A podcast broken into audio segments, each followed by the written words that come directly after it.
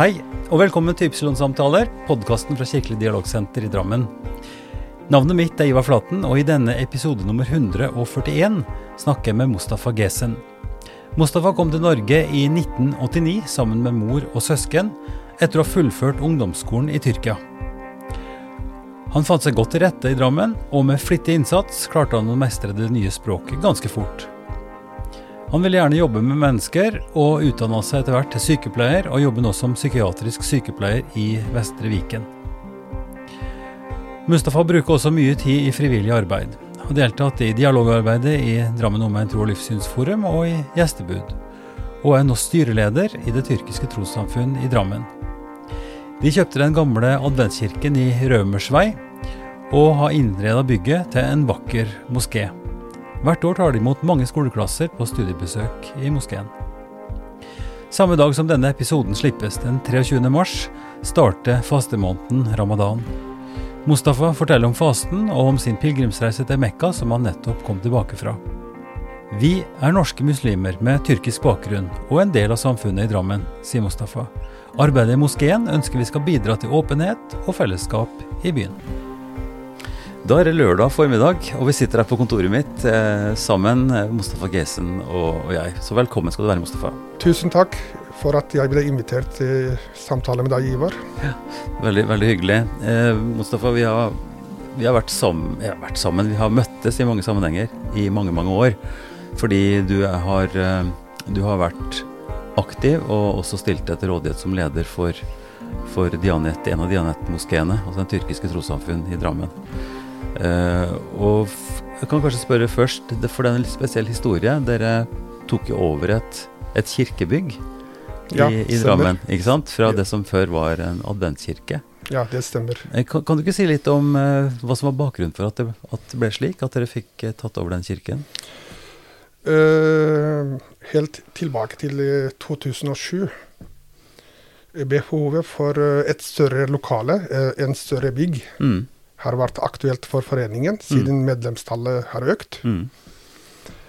Uh, og så har det vært uh, søk etter egnet sted hvor Mm. man kan ha moskeen, da. Mm.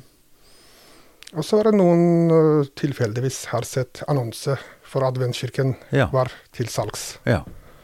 Og så blir det tatt opp i styret og med datidens imam Mm. at uh, det var greit å kjøpe den. Mm.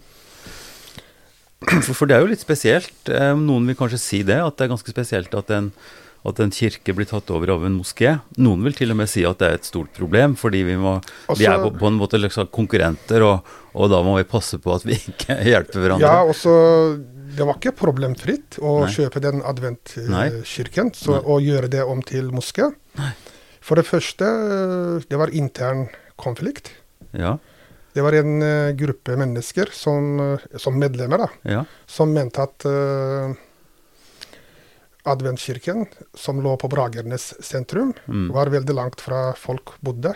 ja, Altså det vil si, folk flest bor jo på fjell, ja, og de ville ha en moské som på Strømsø-siden, ja som var nærmere til dem. Ja, En annen gruppe mente at uh, en kirke kunne ikke gjøres om til moské. Ja. Det var ikke bra nok. mm. Og så noen som mente at det var så langt fra Altså, folk bodde, og Mm. det var ikke noen parkeringsplasser og sånt, da. ja, ja, Som mente at de, det ikke var egnet til moskebygg. Mm. da. ja. Så det var kanskje først og fremst praktiske ting som var problemet, men også teologiske. Man syns det var Eh, Det ble en slags blanding, eller det ble et problem at det hadde vært Egentlig, kristent. når det gjelder teologiske, så har vi avklart med både imam og dianet, som Ja. vi er en del av systemet, Ja. at det ikke var noe teologisk problem. Mm. Det var mest praktiske. Mest praktiske i. I forhold til parkering, Ja. avstand til folk bodde, og sånne ting, da. Det, nå vet vi jo litt om dette fordi vi har hatt, uh, har hatt møter sammen, og, og Adventskirken, som nå uh, solgte sitt bygg til dere, og har jo bygd et sto, en stor, fin kirke i Mjøndalen. Ja. Eh, og der har vi vært sammen og sånn. Og vi har også hatt mange fra Adventskirken som har kommet på besøk i moskeen. Vi har fortsatt uh, god dialog med ad, altså styret eller presten uh, adventskirke, Ja. og de som solgte bygningen til oss. Ja, Vi har kontakt med dem. Og det er jo det fine med, med det dialogarbeidet som vi, både du og jeg, har holdt på med ganske lenge. At vi, vi syns det er viktig eh, å holde kontakten og snakke sammen og sånt, selv om en har forskjellige ritualer og forskjellige hus osv. Så, videre, så så er man venner og kan hjelpe hverandre. Ja. Og et annet eksempel her i byen er jo at, eh, at hinduforeningen til de, som vi også kjenner godt, eh, at de har fått leid seg inn i Metodistkirken. De har ikke kjøpt, men de har leid seg inn der, slik at det er et hindutempel og en kirke på, på, samme, på samme område. Ja. Og det er også veldig spesielt. Jeg tror ikke det fins så veldig mange andre steder, men det viser jo noe om den samme innstillingen som og den kirken og, og, og din moské har, at vi kan hjelpe hverandre og støtte hverandre selv om vi er teologisk forskjellige. Og så var det jo litt sånn medieoppstyr Ja. rundt det. Mm, Uh, begge deler. Noe var positivt, noe var negativt. mm. Også fra norske storsamfunnet, da. Ja, eller fra Ja. Og det, og det er jo kjent. Det har vi vært borti her på Fjell også, med moskeen her. Men, men det var også sånn også ubehagelige ting med, med høyreradikale eller, eller Men, eh, rasister, nesten. Det var hele veien. eh, Vi var jo medlem av DHTL, og vi har jo nært samarbeid med deg som leder. Mm. Eh, Jeg føler at vi har fått mer støtte enn motstand Ja, fra storsamfunnet. Nettopp. Ja. Og vi ble godt mottatt i sentrum, Drammen sentrum. Mm, Og vi har eh, siden vært eh, helt åpent ja. til alle som vil besøke moskeen. Mm, Uh, moskeen vår Vi har jo, siden vi kjøpte moskeen, uh, pusset opp. mm, Både utvendig og innvendig. Uh, og vi har gjort bygningen mer funksjonelt. mm, Og moskeen er jo et eksempel moské i området her, i Buskerud eller Viken. da. mm, Sånn at alle skolene, fra barnehage til universiteter, mm, de kommer til å besøke oss. mm. Og så mm, Jeg har begynt å registrere nå, s- lage statistikk, men vi har ca. 1000-1200 elever gjennom året som besøker moskeen.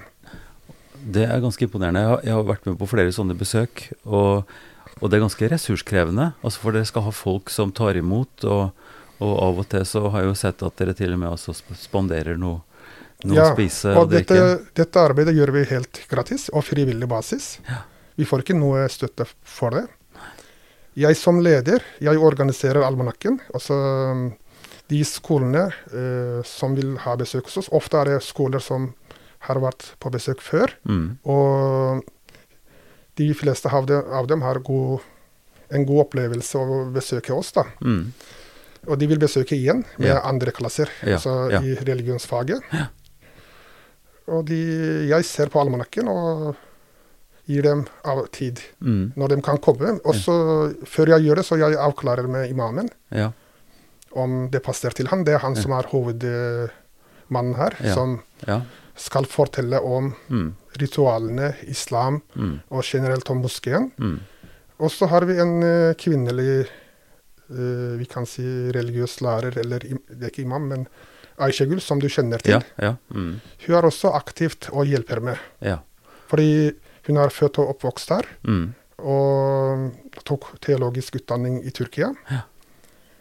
Og, og så har hun vært med på som skolebesøk og visninger, og hun har masse erfaring. ja, ja. Så hun, Nei, hun, kan- har, hun har, også med. Det kan jeg også bare anbefale, som sagt, fordi det er en veldig interessant Både det at det er et, et bygg som, som var en kirke, men som på en veldig fin måte har fått en innredning og en funksjon som moské, så det i seg selv er jo interessant. Og så er det veldig interessant å få informasjon om rett og slett om ritualene og om måten moskeen blir drevet på. Så det, det kan anbefales. Og nå er det jo også flere moskeer som begynner å, å ha kapasitet til det. Vår nabo her på Fjell f.eks. Eh, gjør jo også dette nå i, i litt større grad etter hvert. Ta imot besøk og sånn. Men eh, når denne sendinga kommer, altså når vi legger denne ut, Mustafa, så er det den 23. eh, 23. mars. Eh, og den 23. mars er en viktig dag i år. Hva slags dag er det? Det er ramadan-starten, ikke sant? Ja. Eh, starten på, på fastemåneden. Og i den forbindelse så er jo moskeen svært, altså din moské svært opptatt med mye arbeid. Hva er det som skjer, Hva er det som skjer i den sammenheng? Altså, øh, Ramazan er jo hellig måned for Mm. muslimer. Mm. Det er den helligste måneden. Mm. Og det er øh, beskrevet både i Koran og profetens hadis Mm. at uh, den som gjennomfører ramazan Mm. med bønn og dua Mm. og gode gjerninger, Mm. de blir renset. Mm. Altså, man blir renset fysisk gjennom fasting, Mm. og så blir renset uh, sånn um, Ja, religiøst, åndelig. Religiøst, ja. åndelig. Uh, med gode gjerninger. Ja. Sånn som man gir mer almisser Mm. til fattige. Mm. Sender penger. Mm. Og man leser mer Koran. Mm. Man øh, oppsøker mer til moskeen. Mm. Og så rett og slett man øh, forsøker å søke forsoning med andre mennesker som man har vært i konflikt med. Ja. Og man skal gjøre det opp. ja. Det er det- en viktig måned. Så det er rett og slett en, en, en måned hvor man må forberede seg eller tenke på livet i verden og hvordan man lever, og hvordan forholdet til Gud er, og, Ja. og til medmennesker også. Men, men det er også mye arbeid i tillegg til selve bønnene og koranlesningen. For eh, når man faster så lenge solen er oppe, så spiser man før solen står opp, og man spiser når solen har gått ned. Og spesielt iftar. Ja. Måltidet har dere mye Det Fortell litt om hvordan det gjøres. Altså, vi har hatt eh, opplegg med iftar Mm, i mange år. mm, åtte år. Uh, det vil si, vi har moskeen har stått for og laget iftar for eh, 150-200 personer. mm, Eh, selvfølgelig, eh, medlemmer og andre har bidratt med penger. mm, Men eh, det er moskeen, eller vi som har stått for eh, organisering og leie av kokker og kjøpe det vi trenger, mm, og brukte lokalene. mm. Med koronarestriksjoner så har vi ikke gjort det, da. Nei. siste årene. Nei. Men vi kommer ikke til å gjøre dette året heller, pga. kapasitet. Ja. Vi får ikke til. Nei. Fordi eh, hvis vi skal ha det, så må det være åpent for alle. Ja. Og, og så er det jo ing, det er nesten ingen som har reist til Tyrkia nå. Så vi regner med at kanskje det blir flere hundre Ja. som vil komme til iftar. Ja. Og det har vi ikke kapasitet til Nei. i moskeen, da. Som, i, I forhold til brannforskrifter, i forhold til Jeg forstår. Jeg forstår. Jeg bare, spør, jeg bare spør fordi at jeg husker veldig godt før, før korona. Eh, som du sa, så var dette gjennomført. Eh, og, og det oppleves som en veldig fin en, Både en fin tradisjon og fint for oss som får oppleve det, å komme, uh, å komme og delta eh, i, i dette måltidsfellesskapet. da. Mm. Men da blir det privat, fordi iftar er jo en Altså Jeg snakka med andre venner, andre muslim, venner med muslimsk bakgrunn, som, som sier at ift, altså hele ramadan-måneden er en slags festmåned. Fordi man samler familie og venner og sånt til måltidene på, Det er vanlig tradisjon er at uh, man samles hos familie og venner. Mm, Men uh, vi har gjort det i moskeen felles. Det er fordi uh, mellom iftar og teravih, neste bønn, mm, så var det veldig lite tid. ja. Og det gjorde at folk ikke kom til bønn, da. Ikke Mm. rakk å komme til bønn. Mm, Derfor tenkte vi det var mer eh, praktisk mm, å ha iftar i moskeen. ja. slik at eh, folk kunne rekke den siste bønnen, som Mm. er kun i ramazan. Mm. Den teravih-bønnen. Ja, ja, Og det er veldig populært. ja.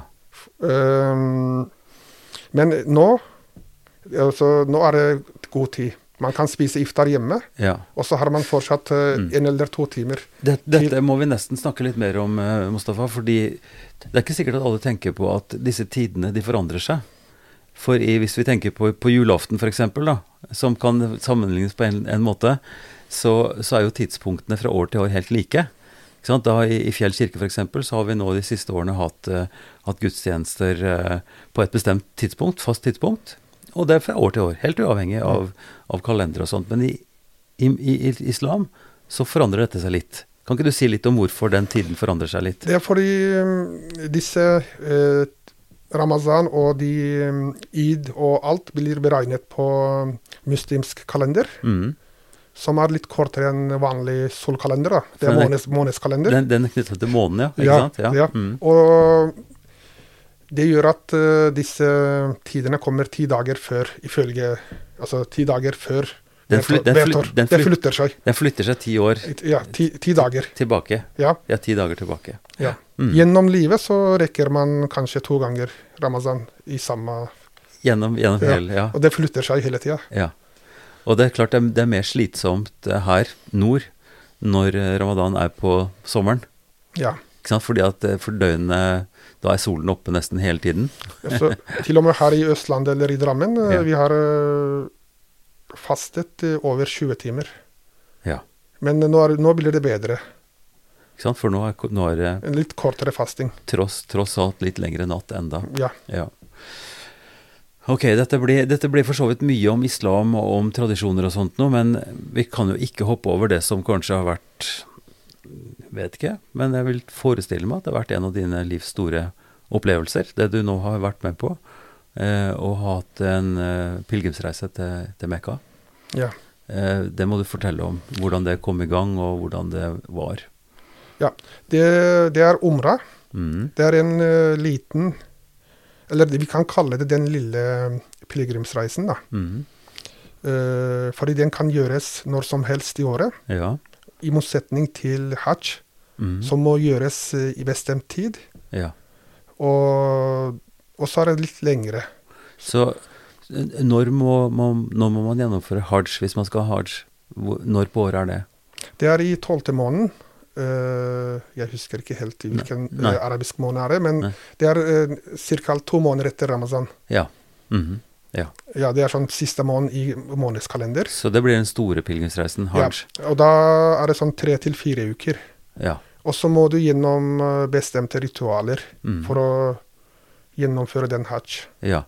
Mens, om, uh, mens umra er mindre omfangsrik. Uh, du må også gjøre en del ritualer i umra, ja.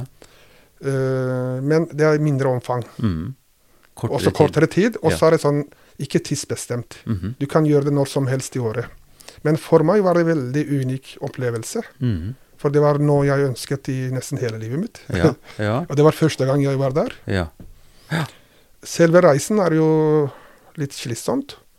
Men når man møter Kaba, alt, alt blir tilbakelagt. Altså det er sånn. Stor opplevelse. så det er en veldig stor opplevelse. Ja.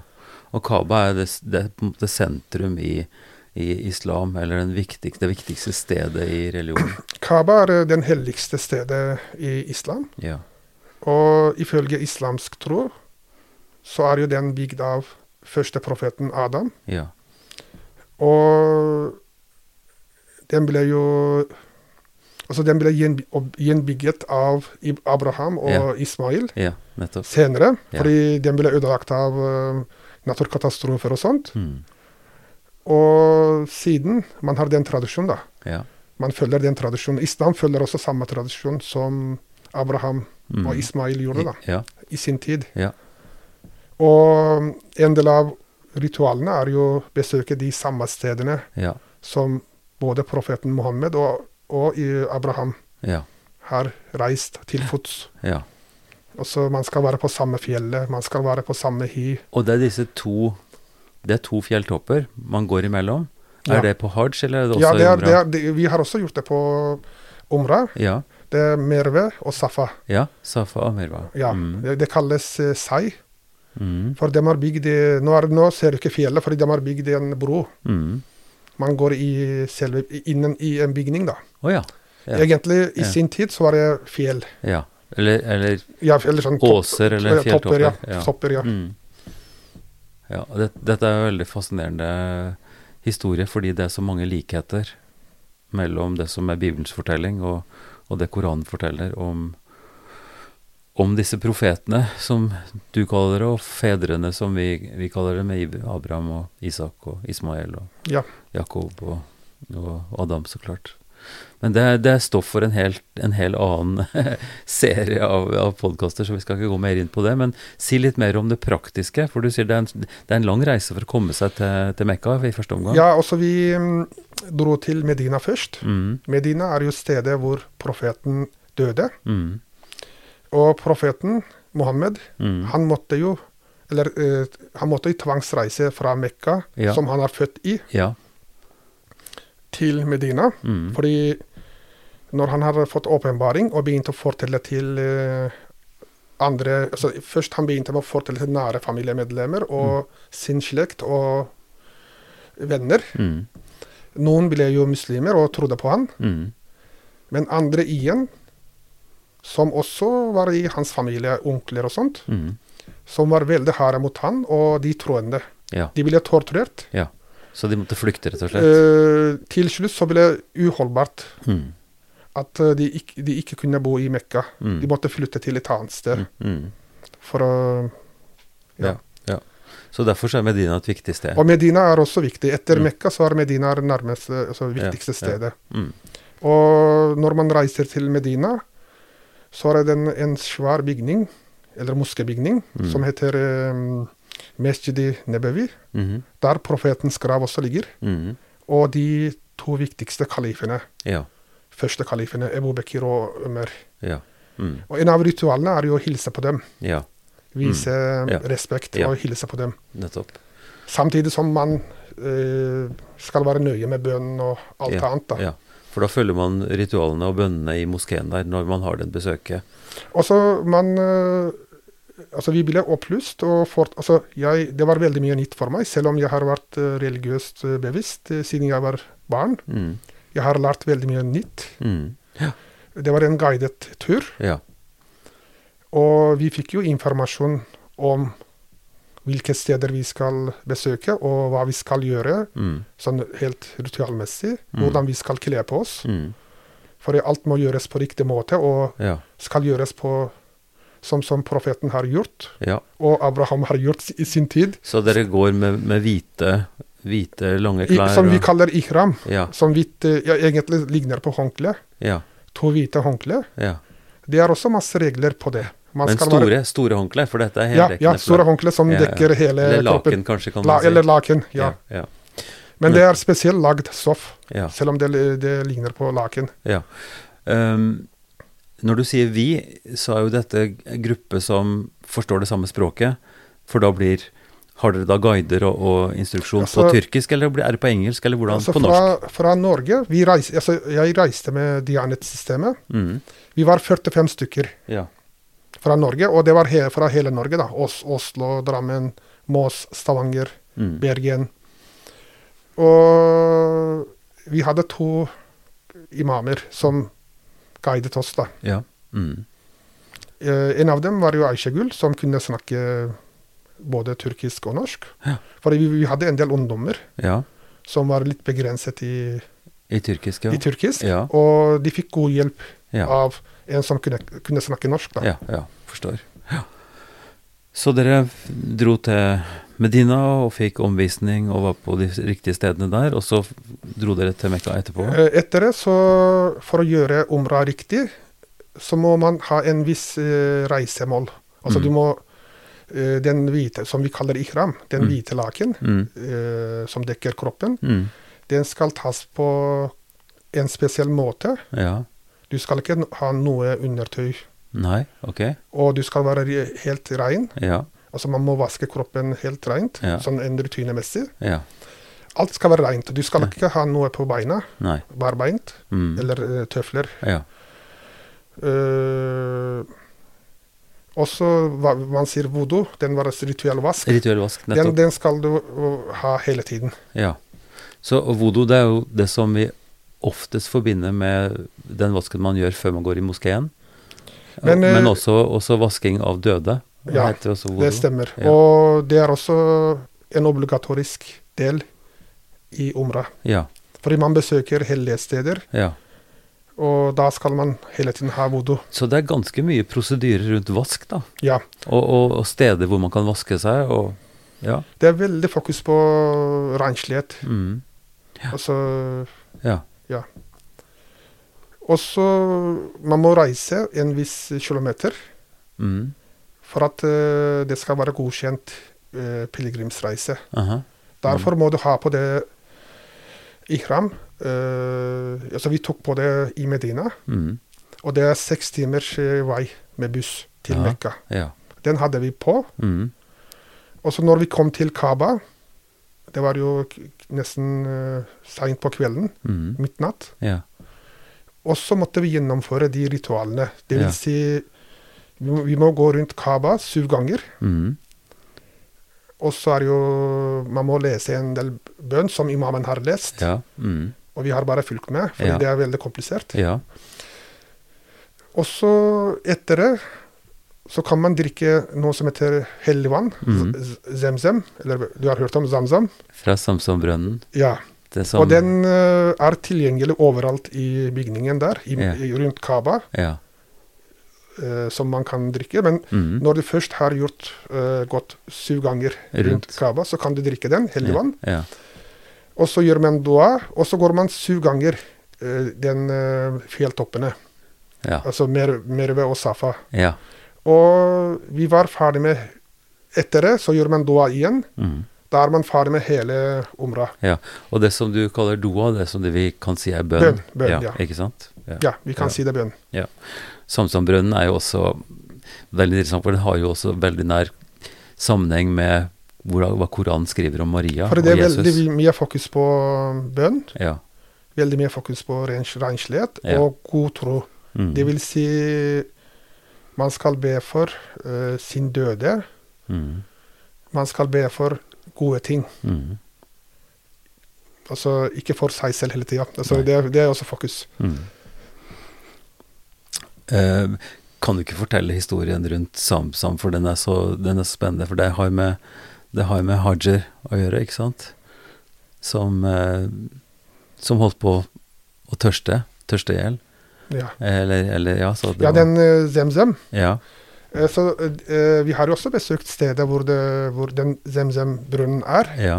Historien er jo går tilbake til Abraham og hans kone Hajer. Haj- Hajer, ja. Mm. Og mm, Abra, altså, hvis jeg husker riktig, da, for jeg er ikke teolog Jeg, kan, jeg kan hjelpe deg, for vi har nokså like historier. Der.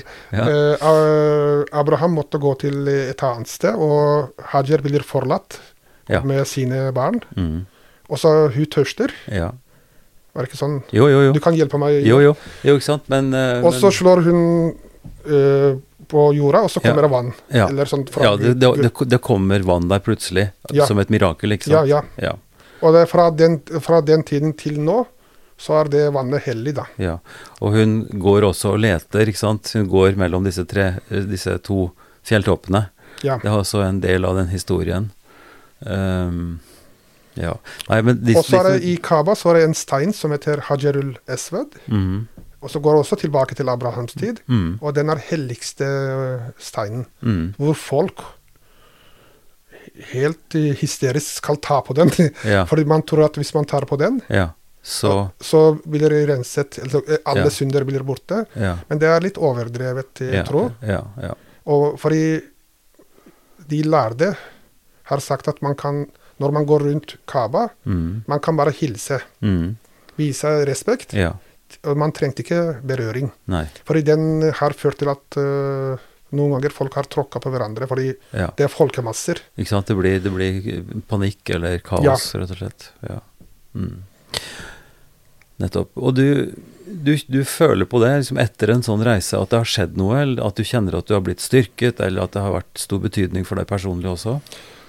Jeg føler at eh, det har vært veldig opplevelsesrik Mm. eh, reise for meg. Mm. Jeg føler også at jeg er veldig tilfredsstilt Mm. uh, sånn person. Mm. Eh, fordi som mange muslimer, man drømmer om å reise til Kabo og se det. Mm. Jeg føler at jeg er eh, ja, mer styrket, ja. Ja. Det føler jeg. Eh, Fordi eh, pilegrimsreisen, altså det å besøke Mekka en gang i livet, er jo en av på en måte, de viktige punktene i, et, i en muslims liv. Ikke sant? En av de viktige En av de fem søylene. en av de fem søylene. Ikke sant? Du har med de andre viktige tingene er jo bønn og, og også almisser, gaver og trosbekjennelsen osv. Men for meg som har eh, familie og jobber aktivt, mm. Det er sånn praktisk veldig vanskelig å få til hajj. Mm. Så umra har vært en bedre Ja. mulighet. da. Ja. En mulighet som Ja. kort, også kort tid og sånt. Kanskje senere, hvis jeg får mulighet. kan, Når du eh, blir pensjonist, sånn som meg. Ja. Det er også, det er, også det, er så, det er ikke så uvanlig at det er eldre personer som gjør hajj-reisen? Uh, det, det jeg har sett der ehm, I tyrkisk tradisjon Mm. ofte er det man venter til man har gjort alt annet. Mm. Altså Da er, det sånn, da er man 50-60 år, Ja. eller eh, over 60 år, og så reiser, reiser til hajj. Mm. På en måte man er renset før man venter på døden, da. Ja. Altså, vi håper jo på det at, at vi, kan, vi kan henge med litt lenger Ja, ja, ja, er 60. ja. Men, Men, men, eh, logikken er jo interessant, ikke sant? fordi har man levd livet sitt, og, og man, man, man gjør opp på en måte, og, og gjør seg klar, ja, som du Men sier. jeg har sett andre kulturer, Mm. altså som, som folk fra Malaysia, Indonesia, andre muslimske land. Mm. Også de har en litt annen tradisjon. Mm. De er der når de er unge. Ja. Så mm, jeg ble veldig overraska. Jeg, jeg kom til å tenke på, Mustafa, at ut ifra sånn, eh, skal vi si, urkirken, eller veldig tidlig kristendom, så eh, blant annet Augustin, som er en stor kirkefader og har skrevet mye og er veldig viktig i teologien, eh, han, han, han ventet med å døpe seg. Han tenkte at han skulle ikke døpe seg før han ble gammel. For dåpen har noe av den samme virkningen. I kristendommen så sier vi at man døpes til tro. Man døpes og blir da en del av, av den kristne, det kristne fellesskapet. Eh, men man vil liksom ikke ødelegge det, ikke sant? Eh, og man tenker seg da at man blir ja, uren, eller man gjør synder eller gjør ting som er feil og sånn, og at det svekker en. Og Derfor så var logikken for han og andre at ok, nei, først lever jeg i livet, og så, og så får jeg være sånn et vanlig menneske, og så kan jeg døpe meg før jeg skal dø. Jeg tror det kan være samme logikken hos Ja, turkere. ja, Oss Mm. turkere, da, som Ja. er litt mer moderate muslimer. ja. Fordi man tenker at når man først har vært i hajj, Mm, så er man renset. Ja. Da må man leve opp til, maksimalt opp til eh, Ja. mm, hvordan det er beskrevet Ja. en muslim skal leve, da. ja. Med strenge regler. Mm. Og det i praksis så er det ikke så lett som man ser. Nei, naturligvis, det vet vi jo, vi som lever, at det er ikke lett å leve et, et riktig og godt liv på alle måter. Man gjør feil og, og sånn. Eh, så det, jeg kan jo forstå at det blir et slags stress hvis man skal være perfekt, for ingen er perfekte. Nei. Så vi trenger Men, men det sier jo i trosbekjennelsen til en muslim også, som man ber jo til den barmhjertige Gud. Så Gud er barmhjertig og tilgir, ikke sant. Eh, og det kan vi, vi kan vel tilgi hverandre også. Sånn som du sa, gjennom fasten så må man tenke på hvordan man lever, og Ja, om man har noe å gjøre opp, eh, om man har gjort noe galt, osv. Ja. Ja. Men la oss, eh, la oss spole veldig langt tilbake, for nå har vi snakka mye om både eh, ramadan, eller ramazan, som du sier, og, og umra, reisen. Men reisen starter jo på et sted, og den starter når man blir født. Den store reisen. Kan ikke du fortelle om hvor du ble født, og hvordan barndommen din var? Altså, Jeg ble født i Tyrkia, mm. et sted som heter Gøynem. Du har sikkert hørt det stedet, fordi mm. de fleste tyrkere som er i, bosatt i Drammen, har et forhold til uh, Gøynem. Ja. Ikke så veldig langt fra Konya. Gøynem er et, en landsby, Uh, en del av storprovins Konya. Mhm. Men jeg har ikke bodd der så mye, for jeg, min far hadde kommet til Norge tidlig 70-tallet. Mm. Og vår familie, eller mor og søsken, vi bodde i en altså, s- store da. Mhm. Eh, vi kom til Norge senere. Mm. Altså Min far, som alle andre gjestearbeidere i Norge, uh, hadde ett mål. Mm. Å tjene nok penger, sånn at han kunne returnere Ja. til Tyrkia raskest mulig. Ja. Ja. Og han fikk jo jobb i Tyrkia, altså sånn invitasjons fra fabrikken, og han begynte å jobbe her dagen etter. For, det, for det var nærmest en sånn delegasjon som kom fra, Ja, fra Drammen, og som inviterte ja fabrikkeiere og mellommann Ja, kom til for, Fordi man hadde stort behov for Ja, arbeidskraft ja. her i Drammen, Ja. i industrien. Og de som kom, eh, måtte gå, ha god helse og helseattest og sånt. Mm. Det hadde jo min far. Mm. Men uh, oftest var det jo de sterke menn med god helse Mm. som kom til å jobbe. Ja. Og var det i papirindustrien, eller hvilken industri var Altså, han jobbet? min far jobbet ikke i papirindustrien, som de fleste tyrkere gjorde. Han eh, kom et sted som heter Jessheim Ullensaker kommune, Ja. ikke langt fra Gardermoen i dag. Mm. Mm. Der var det en um, torvfabrikk Jaha. De lagde blomsterjord Ja, og plantejord. ja nettopp. Uh, Han jobbet der til han ble ufør. Jaha. Så det var 90-tallet, da. Ja. Altså begynte 70-tallet og 90-tallet. ja, ja. Så men han Dere bodde der også, eller? Nei. øh, vi kom til Norge 1989. Ja. Slutten av 1989. Ja. Eh, da var han syk. Min far var syk. Og øh, han var ikke ufør, men han var sykemeldt. Mm. Da hadde han fått astma, alvorlig astma og hjertesykdommer og hadde fått infarkt. Ja. Uh, da bestemte han seg for å kjøpe leilighet på Fjell ja. I Drammen. Lurt. Veldig bra. Og så ble jeg anbefalt av andre kjente da, Ja. å gjøre det. Det var mange som gjorde det den Ja. gangen. For han bodde jo en fabrikklokal, eller fabrikkbolig, da, i Mm. Jessheim. Mm. Og der kunne vi ikke bo, Nei. som ikke Som familie. Mm. Mm. Og så Vi kom til Norge med søsken og mor. Mm. Hvor gammel var du da? Jeg var eh, 15 år. Ja. Så det betyr at du har gjort mye av skolegangen din i, i Konja? Altså, jeg var ferdig med ungdomsskolen Mm. da jeg kom til Norge. Mm. Eh, jeg gikk på en internatskole. Eh, Det var en statlig religiøs internatskole, da. Mm. Eh, Det som var spesielt der, man hadde alle fagene som en ungdomsskole hadde, Mm. i forhold til matematikk, engelsk Mm. og um, samfunnsfag og alt. Mm. I tillegg så hadde man arabisk og koranundervisning. Ja. Nettopp. Og, ja, Så det, så det var en skole som ga også eh, religiøs undervisning, på en måte, da, i tillegg til I tillegg til vanlig undervisning. Ja, For den, den skolen var jo en som videregående skole som kvalifiserte eller ga studiekompetanse til universiteter og sånt. Men Mm. du hadde i tillegg litt religiøs Men var det en privat skole, eller var det en statlig skole? Nei, det var statlig. Ja. Og så var det sånn du måtte Det var inntaksprøver, og du måtte øh, ha- være veldig flink. Så du er ganske flink, du, da. Jeg tror det.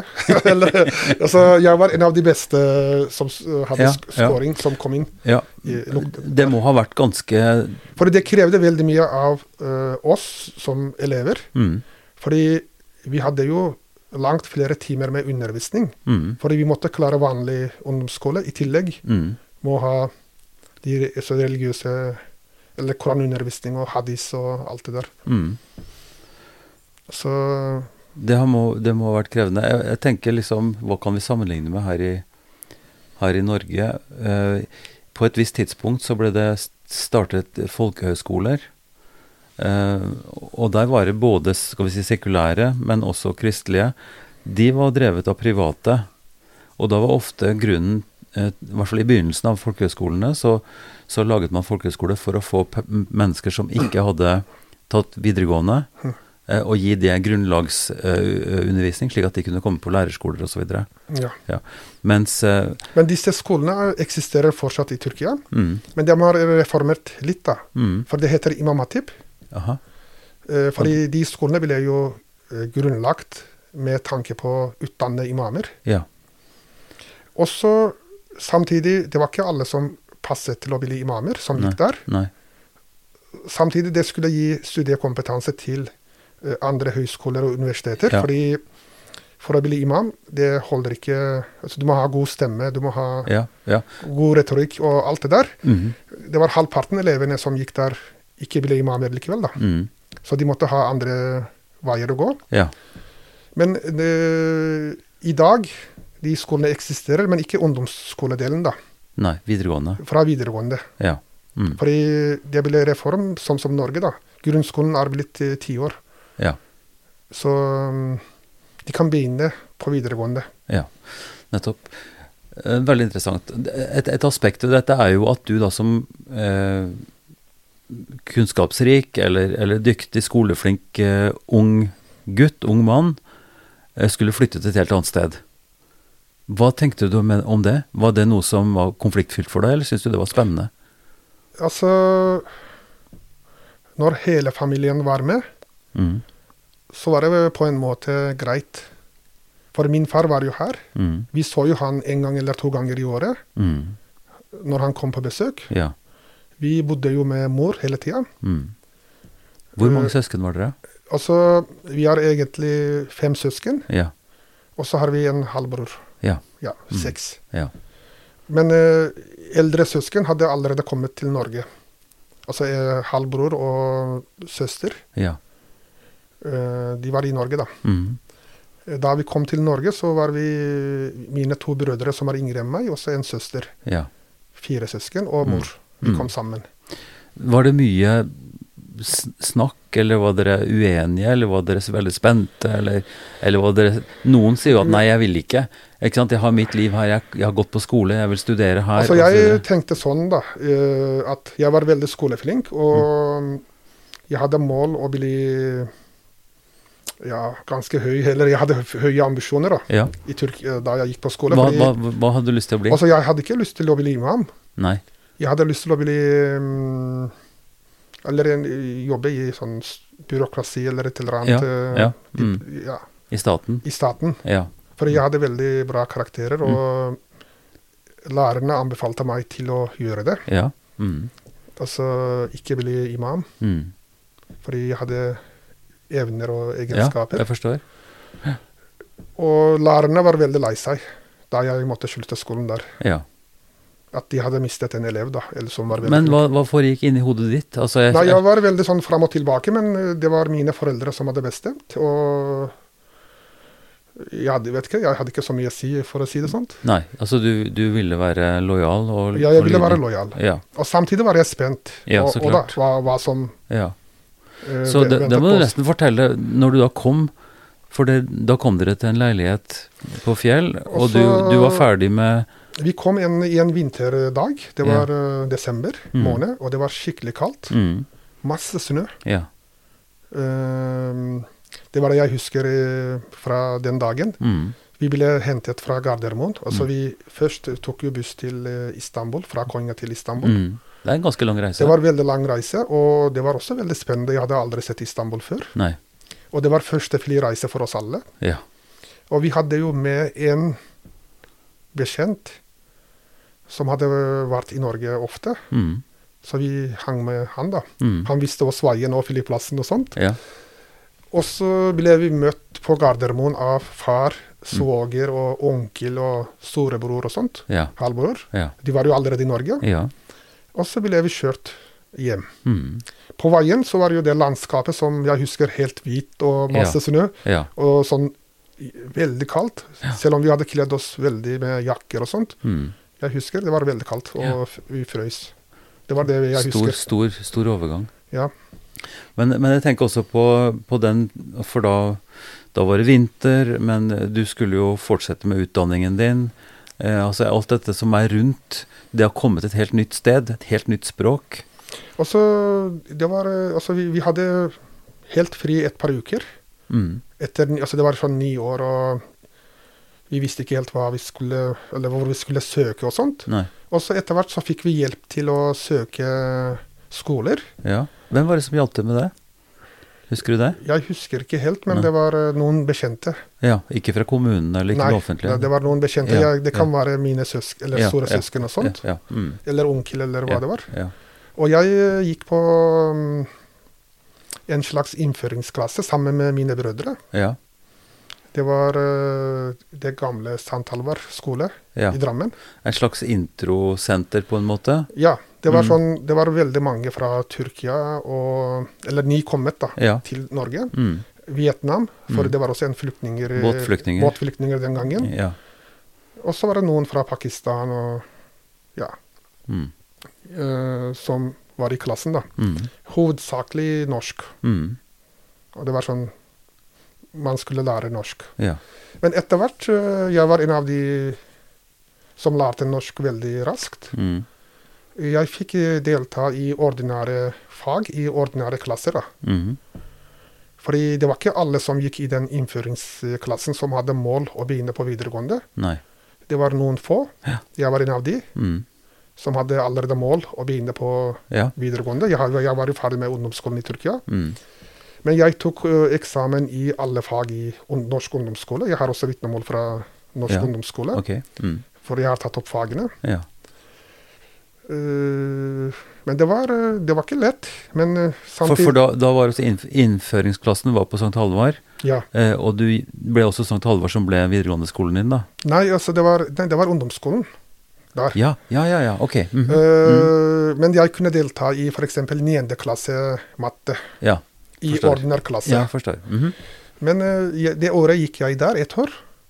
Men det var ikke nok til at eh, jeg kunne begynne på videregående skole. For det, vi, eh, Drammen gymnas den gangen, det het Drammen gymnas da, Mm. den, du måtte ha inntaksprøve i Ja. norsk, Mm. både muntlig og skriftlig. Mm.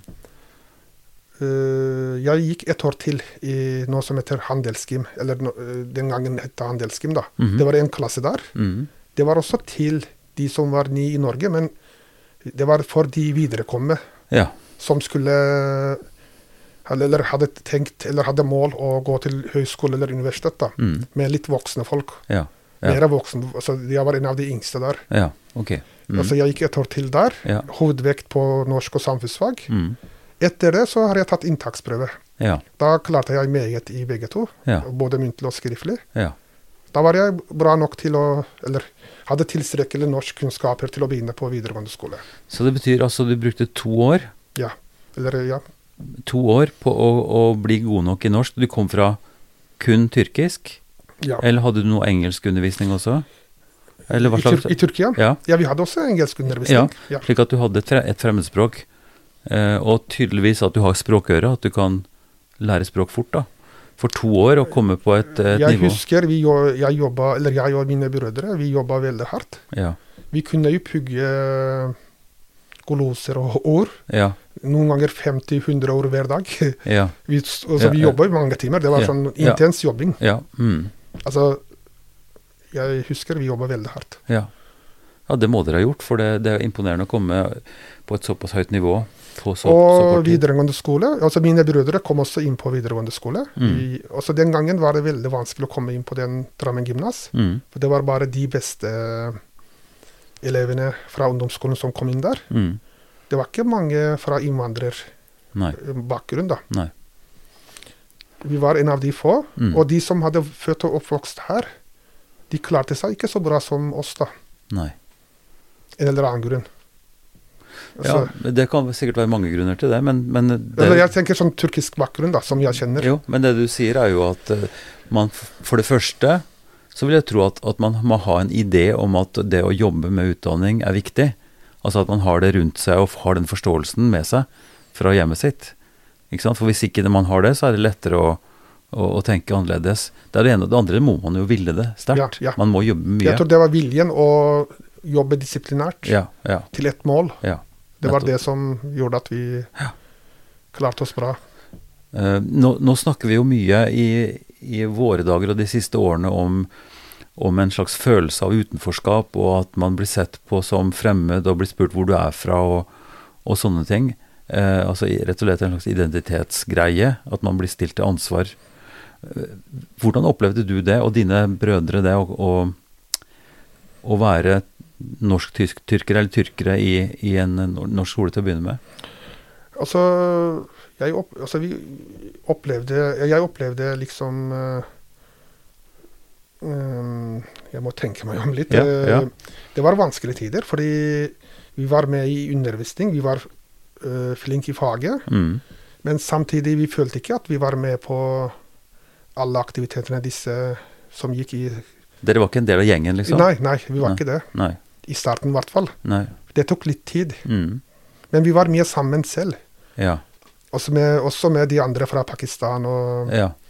som Så det ble litt forskjell på, på innvandrerungdomsgruppe Ja, og ja men sånn i fritida, da. Men Ja. eh, på, mens vi gikk på skole og klassen, jeg Mm. la ikke merke til at vi ble liksom Altså, vi var en del av klassen, da. Ja. Mm. Men eh, vi var ikke så mye sammen i fritida, eller Nei. gjorde mye sammen etter, altså, etter skolen, da. Nei, nettopp. Det kom litt senere, et, altså, når vi ble mer kjent med enkelte. Mm.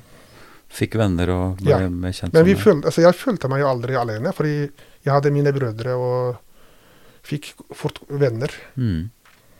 Og Så når, når du da kom i gang med videregående skole og kom gjennom det på en god måte, så måtte du tenke igjen hva du ville bli. ja.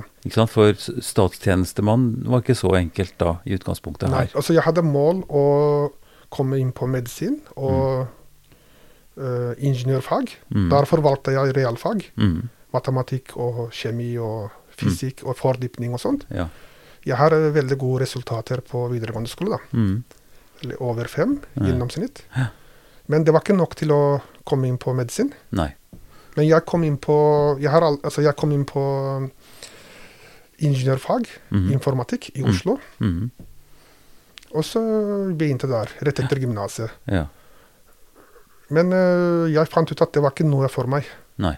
etter tre måneder. Mm. Det var også forholdene, omstendighetene rundt meg, da. For jeg måtte jobbe ved siden av. -hmm. Og så pendle. Ja. Øh, det gjorde det også veldig vanskelig, med lite søvn og Så du måtte jobbe for å ha penger til, penger til livsopphold. ja. til livsopphold? Ja. ja. Mm. Fordi det far hadde av inntekt, det var ikke nok. Nei, jeg forstår.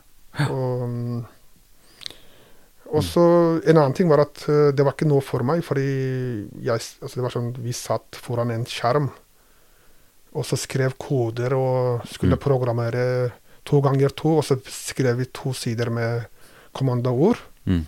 Og jeg var hoven i øynene og vondt i hodet og sånt. Ja, ja. Det ga meg ikke noe, Nei. og så slutta jeg. Ja. Selv om jeg hadde bestått uh, de fleste fagene. Ja. Eh, og så begynte jeg å jobbe i postterminalen. Mhm. Og altså med en gang. Ja. Eh, jeg jobbet der det året. Mm. Og så var det en venn som anbefalte meg å søke sykepleien i Drammen. Ja. Og så sykepleien var, eh, var ikke noe jeg hadde tenkt før. Nei. Nei. Og så Han mente at jeg var så flink med å hjelpe andre, Ja. Ja. og jeg kunne hjelpe mennesker. Ja. Og det, viser seg at, eh, det viste seg at det var riktig observert. Ja. Og det ga meg alltid noe tilbake. ja. Så, så eh, sykepleierutdanning, sykepleier, og etter hvert også psykiatrisk. Ja, sykepleier. Ja. Og så jeg begynte i sykepleien i Drammen. Mm. I starten så var jeg liksom Jeg kan prøve Mm. å se. Mm. Hvis det ikke er noe for meg, så jeg kan droppe det. Ja. Men det var, eh, det var eh, veldig for meg, da. Ja. Eh, Heldigvis en lærer som er død nå, eller Britt Moe, vet ikke om du har hørt om navnet. Mm. Hun tok seg veldig av meg. Hun var veldig god støttespiller. Britt, eh, hun var gift med sangeren, ikke sant? Ja. Mm. Hun var etikklærer, samtidig klasselæreren vår. Hun fulgte meg og alle andre Ja. som gikk i den klassen, veldig nøye. Mm. Vi hadde jo jevnlige samtaler og støttesamtaler og sånt. Mm. Hun mente at jeg skulle bli en god sykepleier. Mm. Og det tror jeg hun hadde rett i. Mm. Og når jeg var ferdig, så jeg fikk jeg jobb med en gang i Lier, psykiatrisk avdeling, akuttavdeling. Mm. Jeg begynte å jobbe der 99. Mm. Etter eh, noen år, 2005, så tok jeg videreutdanning i psykisk helse. Mm. Etter det så begynte jeg å jobbe på noe som heter sikkerhetsavdeling. Det er fortsatt psykiatri. Ja. Og så tok jeg en del kurs og videreutdanninger til, da. Fordi du er, du er både kunnskapsrik, men du er, også, du er også en mann og kraftig, stor. Ja, Det har det også noe med sikkerhet å gjøre, vil jeg tro, i en sånn avdeling, eller? ja både og. Men eh, eh, vi har jo mange små jenter òg som ja, som jobber, jobber. på sikkerhetsavdelinga. Ja. Mm. Navnet kan høres skremmende, men eh, avdelingen er jo veldig rolig. ja. Selv om vi har veldig tung gruppe med pasienter. Ja.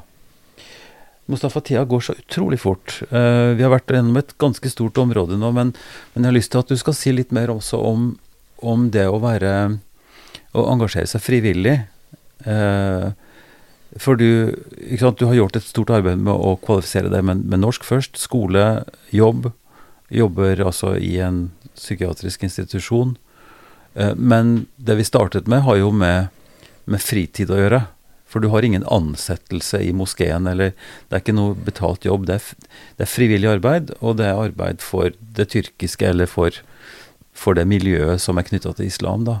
Hvorfor driver du med det? Uh, hvorfor jeg driver med det?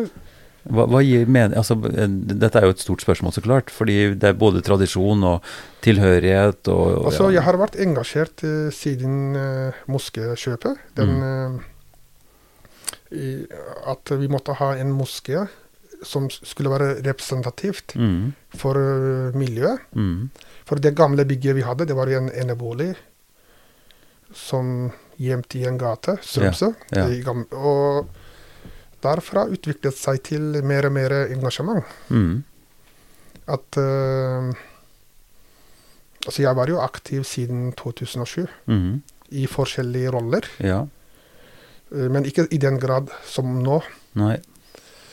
Og så tenkte jeg eh, jeg må også bidra med at uh, vårt uh, trossamfunn er en del av storsamfunnet, Mm. med åpenhet og at eh, vi føler oss også en del av samfunnet og Mm. bidrar til Mm. storsamfunnet. Ja. Fordi det er ikke en selvfølge at man tror det i enkelte trossamfunn. De tror at det er en liten gruppe. Ja. At man er, bare jobber for seg selv og er Ja, sammen. ja, bare jobber for seg selv. og er kanskje også litt engstelige for storsamfunnet. Ja, Snur litt ryggen til og syns det er Ja. farlig. ja.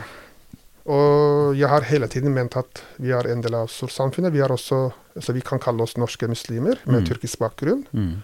Og vi kan bidra til det som skjer i Drammen og det som skjer i storsamfunnet, da. Mm. Positiv måte. Ja. Og det kan også være min religiøs bevissthet helt siden jeg var liten. Mm. Sånn ubevisst har fått meg til å være aktiv også. ja. Du har, vært en del, du har vært en del av islam, og du har hatt eh, islam som en del av ditt liv Ja. eh, fra du var Og gutt. ja. Mm. jeg tror også på at øh, gjennom å gjøre det frivillige arbeidet, uh, at man gjør gode gjerninger. Ja. Mm. At man får Man, bi man bidrar både til fellesskapet og til seg selv. Ja. At man er med på å bygge noe positivt. Og, at det, og det sier vi jo også som en sånn helt generell menneskelig erfaring, at hvis man er med og hjelper andre, så vil man også hjelpe seg selv. Altså, jeg- det, det, er noe, det er noe veldig positiv feedback i det å skulle bidra. Helt enig. Jeg føler også at øh, jeg har personlig utviklet meg veldig Mm. på mange områder. Mm. Uh, F.eks. jeg jobbet som leder i, siden 2018. Mm. Uh, man, altså, vi har jo 1300 medlemmer. Mm. Uh, jeg må forholde meg til både norsk, Store norske samfunnet Mm. og medlemmene. Og Dianet-systemet, imamen. Ja. Mange forskjellige perspektiver her, Mm. som jeg må uh, på en måte balansere veldig riktig. Mm. Og det har gjort at jeg måtte søke kunnskap. Altså jeg måtte lære, altså jeg måtte lese mer. Jeg Ja, måtte lære ja, meg ja, mer Ja, ja. hvordan jeg skal håndtere sant? Alt ifra bygningstekniske ting, Også, verneverdig ja, ja, hus, ja. alt det der med, med prosedyrer i forhold til byggmestere, kostnader altså, Så det er jo ikke ende på Nei, altså eh, ja, oppgaver. alt, ja, og det har gjort, gitt meg, selv om jeg ikke har fått lønn, så ja, det har gitt meg større nettverk. Mm. Jeg har blitt kjent med mange, Ja. både norske og tyrkiske. Mm. Uh, det har gitt meg veldig gode vennskap. Ja, og absolutt. gode relasjoner til mange. Mm. Altså at vi kan jobbe sammen på en positiv måte og Mm. gjøre noe felles. Ja. Både innad og utad. Nei, det er, en, det er absolutt en felles erfaring, og jeg har tatt stor pris på å bli kjent med deg, og, og har stor respekt for arbeidet du gjør. Eh, og ønsker deg lykke til videre nå, spesielt da i denne faste måneden ramadan Tusen som takk, tusen takk. Ja. Takk skal du ha. Ypsilon-samtalene produseres for eh, Kirkelig dialogsenter i Drammen av Ivar Flaten. Og det er jeg som eh, har redaktøransvaret, og, og som produserer episodene. Podkasten er støtta av Drammen kommune, av eh, Barne- og familiedepartementet og av Einar Juels legat.